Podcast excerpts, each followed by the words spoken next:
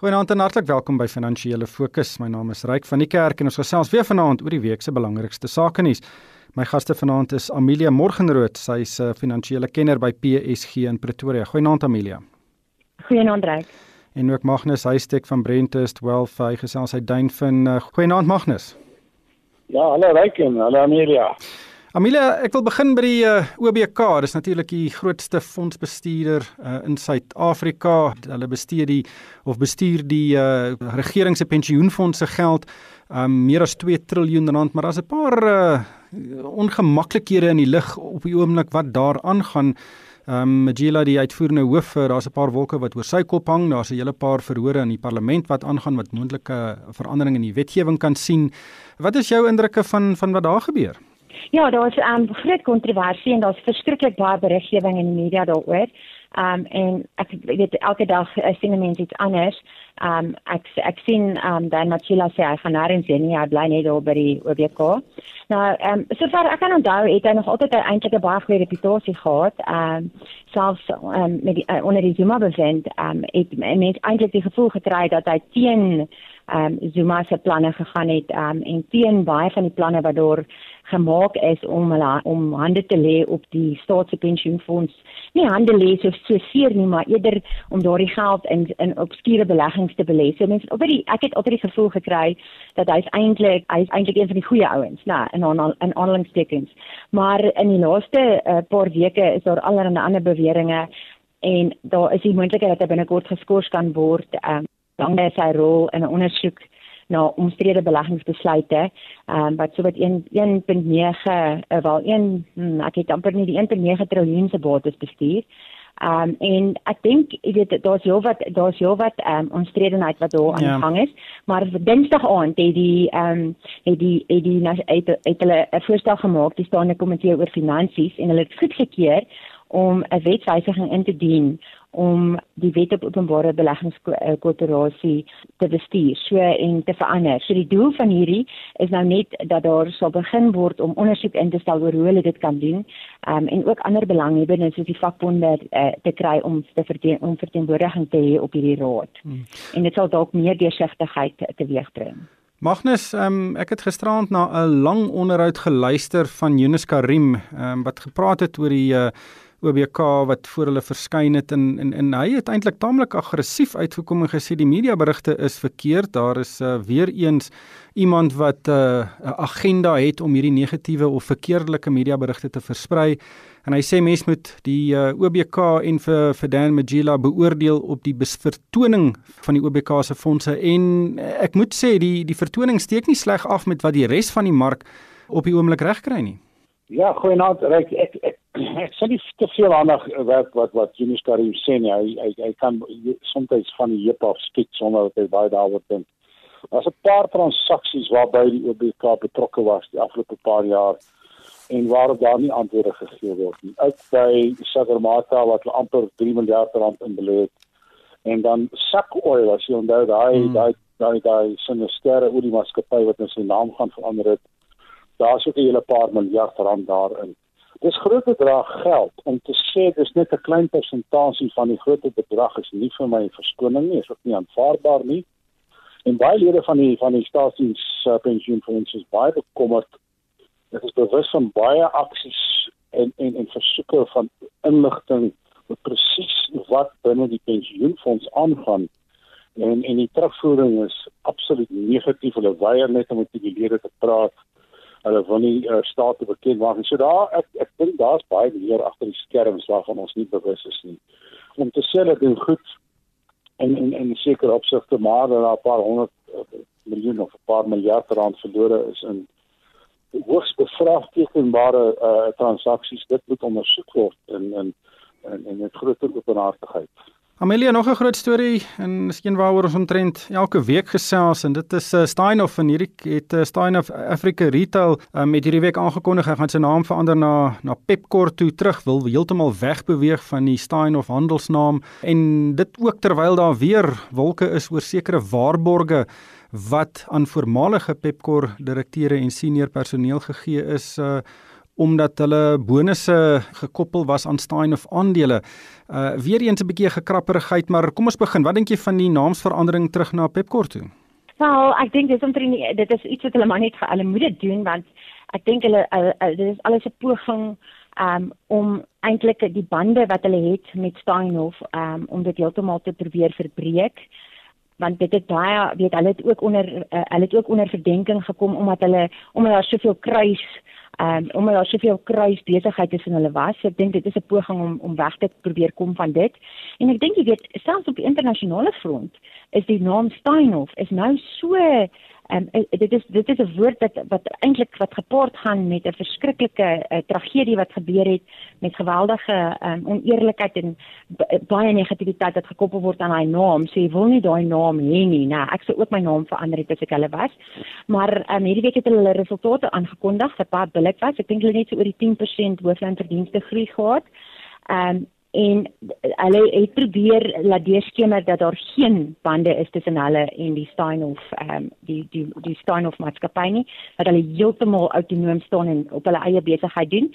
Maar ek het toevallig na ehm, 'n um, onderhoud geluister van die van die hoofuitvoerende beampte van Tekitown wat nou ook deel is van ehm um, van Star en daar is ehm um, geweldige uh, daar's geweldige onderströminge en soos ek kon aflei uit sy onderhoud uit toevallig uh, reguit gesê in die dat ehm um, dat Pep dat 'n stoor probeer om hulle te distansieer van staan of maar sê dit is nie waar nie. Hy sê dit dit daar was geweldige kruisbestuiving tussen die twee maatskappye en hy sê hulle is nie on, hulle is oneerlik as hulle sê die twee het niks met mekaar te doen nie. Maar intussen is daar nou groot gevegte. Ehm um, Tekitown se uh, se hoofuitvoerende beampte het 'n spesiale ehm um, transaksie uh, uh, onderhandel met met Marcus Jooste en die transaksie is nou ongelukkig nêrens aangeteken nie.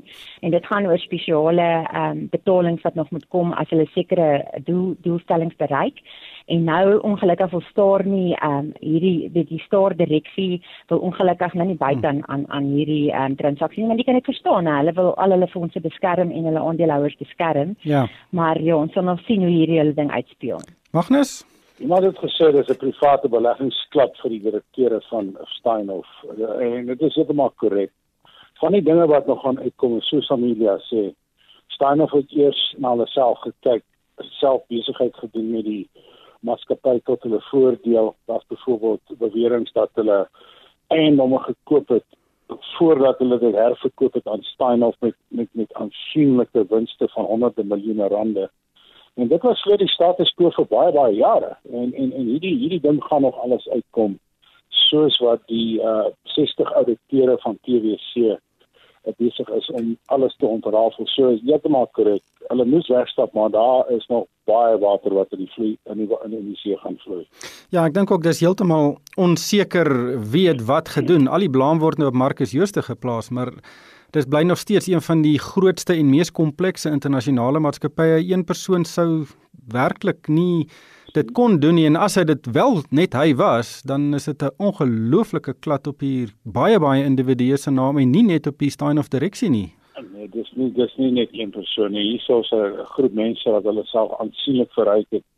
En ek sê vir baas wie is dat die Reservebank met 'n baie fyn oog hierna kyk, die die SARS kyk met 'n fyn oog hier hiersoos uh, uh dit is 'n proses om baie bates te eksternaliseer en en dat dit net verdwyn uit Suid-Afrika kan herverskyn op 'n ander plek. So dit sal alles uitkom. I mean, ek kan nou nie te veel daaroor sê in hierdie stadium nie, maar dit sal uitkom. Amelia, kom ons gesels oor die markte. Ek het verlede week gesels met uh, Daniel Malan van Perspective Investment Management, 'n interessante nuwe besigheid. En hy het vir my gesê die JSE is die afgelope 6 maande so wat 6% laer en en almal grom 'n bietjie daaroor, maar hy sê In die sower 210 maatskappye wat groot genoeg is vir fondsbestuurders om in te belê, was daar 115 besighede of ons maatskappye of 55% van die mark wat met 18% gedaal het. Terwyl die uh, balans het om met omtrent 14% gestyg. Ehm um, so die 6% is glad nie 'n goeie weerspieëling wat ons tans besig is om in die mark te sien nie. En uh, die die boodskap is dat daar is baie maatskappye wat besig is om afgeslag te word. Ek dink eh, as jy na die Suid-Afrikaanse mark kyk, ehm um, hy kan nie meer kyk na die hoofindeks om 'n indikasie te kry van wat aangaan nie by ons nie. Ons indeks is net te oneweredig en daar is 'n handjievol maatskappye wat om 50% van die indeks ehm um, bepaal en jy kan tog sekerlik nie dit as 'n proksie gebruik vir 'n hele mark nie, veral as dit internasionale maatskappye is wat afhanklik is van heeltemal ander ehm um, faktore as hierdie plaaslike maatskappye. Maar weet as ek deur my kliënte se portefeuilles kyk en ek sien ehm um, hoe ver die goed teruggeval het en kry dan kry mens eintlik so koue gevoel om jou hart en jy kan nie verstaan dat die mark lyk of hy redelik bestendig is en ek bedoel hy staan maar weer op vlakke waar hy was die laaste 3, 4 jaar. Ehm um, hierdie maand veral was die mark onder baie druk geweest. Die aandele het redelik teruggesak. Ehm um, En terwyl die res van die wêreld nog steeds redelik op Dusselboom gaan, ek dink daar's baie faktore wat nou 'n rol speel. Ehm um, eerstens is dit die Amerikaanse uh, rentekoerse, die die die die tempo teen ehm um, die, die die tempo van die rentekoersstygings gaan in 'n groot mate bepaal wat met die opkomende markte gebeur. Um, en dan ook die situasie wat in Italië aan die gang is, het ook so 'n bietjie van 'n risiko-aversie gebring en ek dink um, dit, dit het ook veroorsaak dat baie internasionale beleggers dalk wegskram van opkomende markte se ons se aandele. Um, ons rand is ook baie wisselvallig. Ek weet hierdie maand alleen het hy verhandel die laaste die in my maand alleen het hy verhandel enigiets tussen 12.40 en, ja. en en amper 13 12.88 baie baie wisselvallig.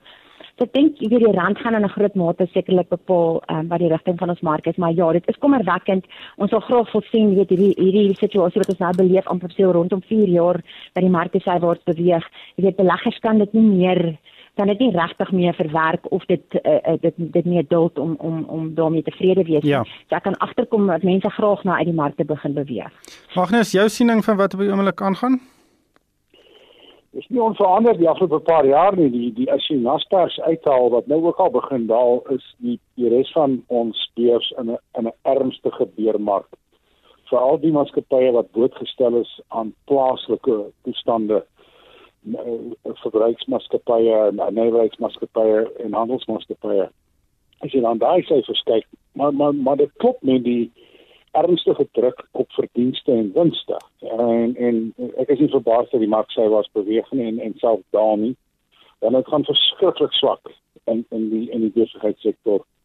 Baie swakker as wat die media blyk om voor te sê. Almal praat van die Ramaphosa en dat alles alles draai en die optimisme is so hoog, maar die rand en sent storie van ons sakeondernemings is onder geweldige druk. So nog steeds geen rede om terug te gaan na ons markte nie ondanks die daling in die pryse. Ja, mag net sê ek bly sommer by jou want ons gaan in in Junie uh, en kan jy al glo dit is al Junie maand gaan ons 'n geweldige stygings in die brandstofpryse sien. Uh, die die verwagtinge is om omtrent 85 sent per liter uh, vir petrol en bykans 90 sent vir diesel.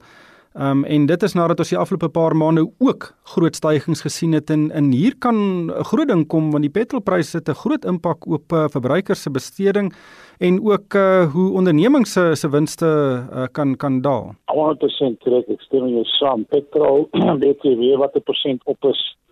Ehm um, belasting op allerlei maniere en dan natuurlik die feit dat jou twee primêre bateklasse in Suid-Afrika aandele die nog vir 4 jaar nie veel nie onder inflasie.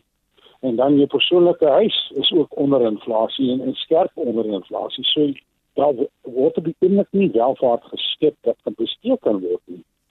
So ek is wel baie baie uh, versigtig wanneer ek na fondsbestuurders luister wat praat van die oplewing wat kom. Dit kan dalk wel wees, maar dis nog 'n bietjie in die in die toekoms sien baie goeie nuus dat ons weer gaan gesels met die G7 lande en en dit gaan probeer geld kry. Maar dan moet strukturele veranderinge plaasvind voordat hierdie ekonomie aan die gang kom. Ja, ek dink dis nie altemit nie, maar dan daar is ook dan goeie nuus van die week. Dit het baie goed gereën in die Wes-Kaap en hooplik kan dit dan lei dat daar 'n bietjie meer water in die damme invloei. Maar ongelukkig is dit alwaar vir ons tyd het vanaand. Baie dankie aan Amelia Morgenrood van PSG in Pretoria en ook Magnus Huystek van Brentest 12 en vir myself ryk van die kerk. Dankie vir die saamluister en ek hoop almal het 'n winsgewende week.